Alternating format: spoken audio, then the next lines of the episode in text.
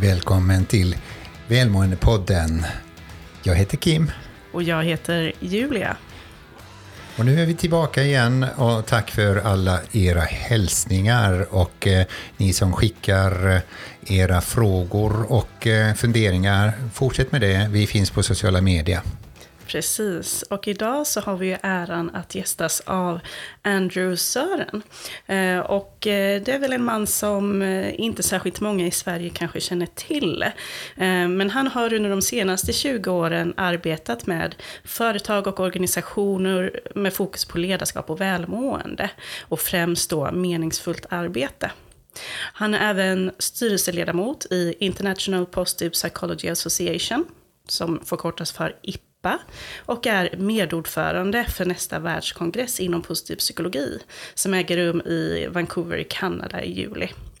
Han är alltså expert inom ämnet positiv psykologi och har bland annat studerat tillsammans med Martin Seligman som är grundaren av positiv psykologi vid University of Pennsylvania.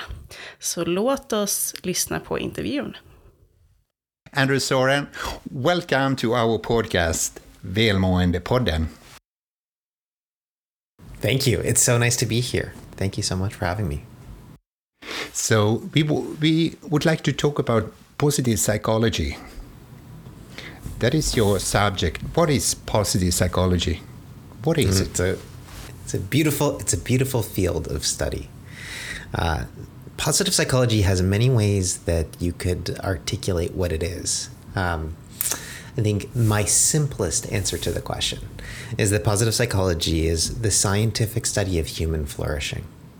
Uh, it's the study of well being, it's a study of, of how we thrive as individuals, as collectives, um, what that means um, at, at, uh, at, a, at an individual state and trait level, but also what it means in terms of building organizations that are capable of thriving, of having relationships that are life giving. Mm. Psychology in general has spent so much time over the last couple centuries really focusing a lot on what's wrong with us. Uh, and positive psychology tries to say, hey, how can we use the same rigor to study what's right with us instead? um, and in addition to, I should say. How do we how do we think about the whole entire spectrum of what it means to be human from from both the the challenge and struggle side, but also from this positive, thriving, and flourishing side, recognizing that uh, that well-being is not just the absence of illness. Um, there's something actually more to it than that. Positive psychology tries to study all of the facets of how we think, feel, and do that look at those dimensions. Amazing. And this summer, it's the World Congress on Positive Psychology. Um, what can people expect, and what is that, and what is IPPA? Could you tell us a bit about that? Absolutely. So, yes, I'm on the board of the International Positive Psychology Association, which is really the global body of both researchers and practitioners that are really interested in studying this field of positive psychology.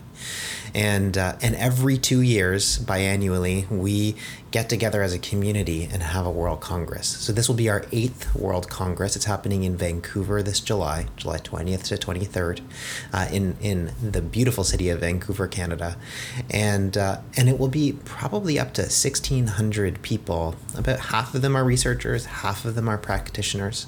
Uh, probably about 140 hours of content, 590 speakers or presenters, um, people who are exploring this science of well-being from different facets.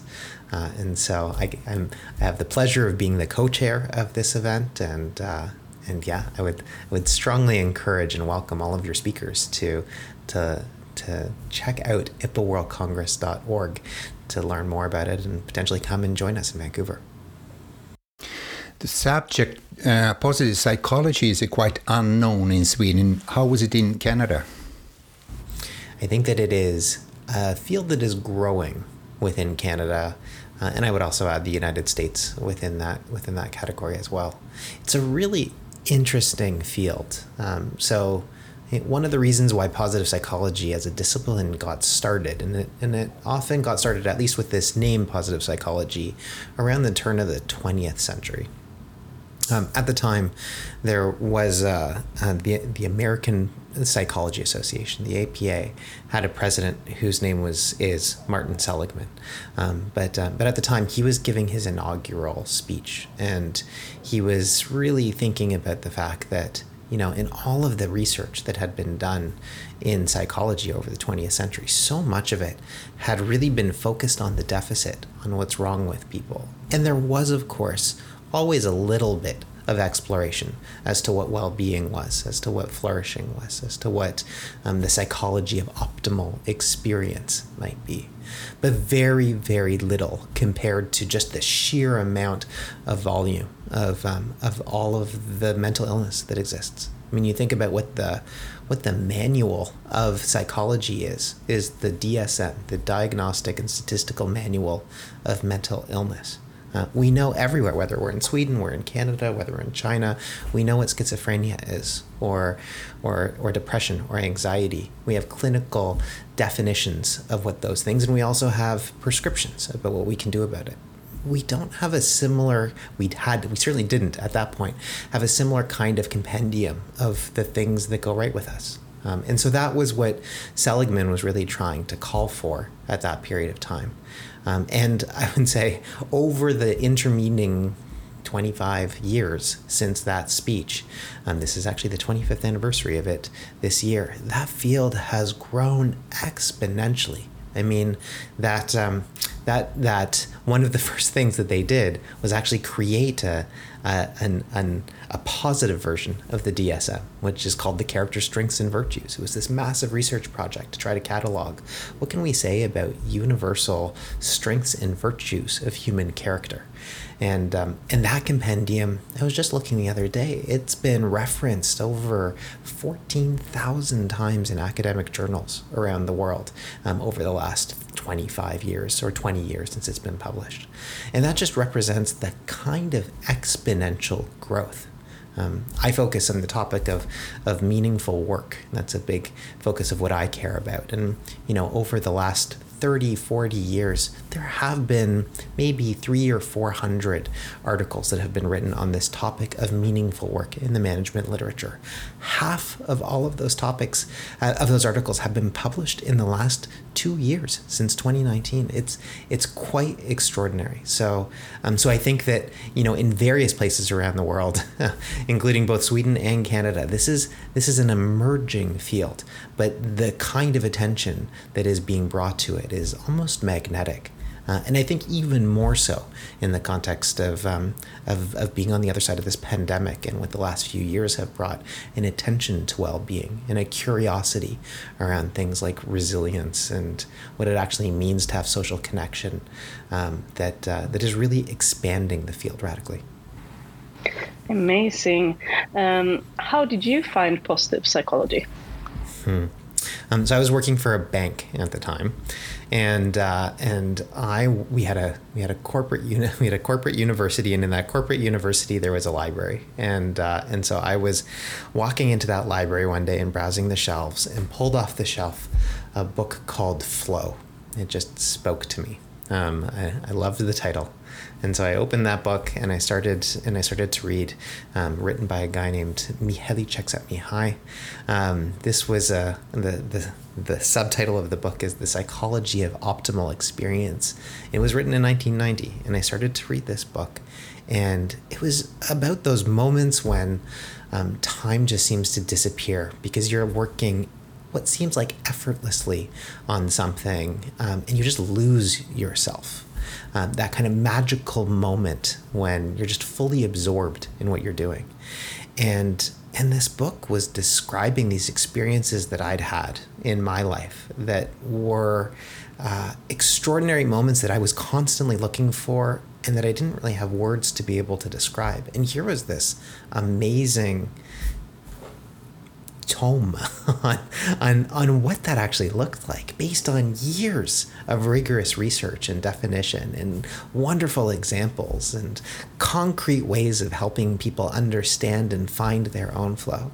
Uh, and so that was the thing that first made me curious. Is there is there other research around this? And of course, Csikszentmihalyi was one of the co-founders of the field of positive psychology. So as I tried to dig down into what else has this guy written and who are the other people that he's working with. Suddenly, this this whole entire world of extraordinary research popped up for me. People like Martin Seligman or Barbara Fredrickson or Mike Steger or Jane Dutton. All of these amazing names of of people who were doing extraordinary work in areas that I was deeply deeply passionate about, and so so that was that was my introduction to the world of positive psychology.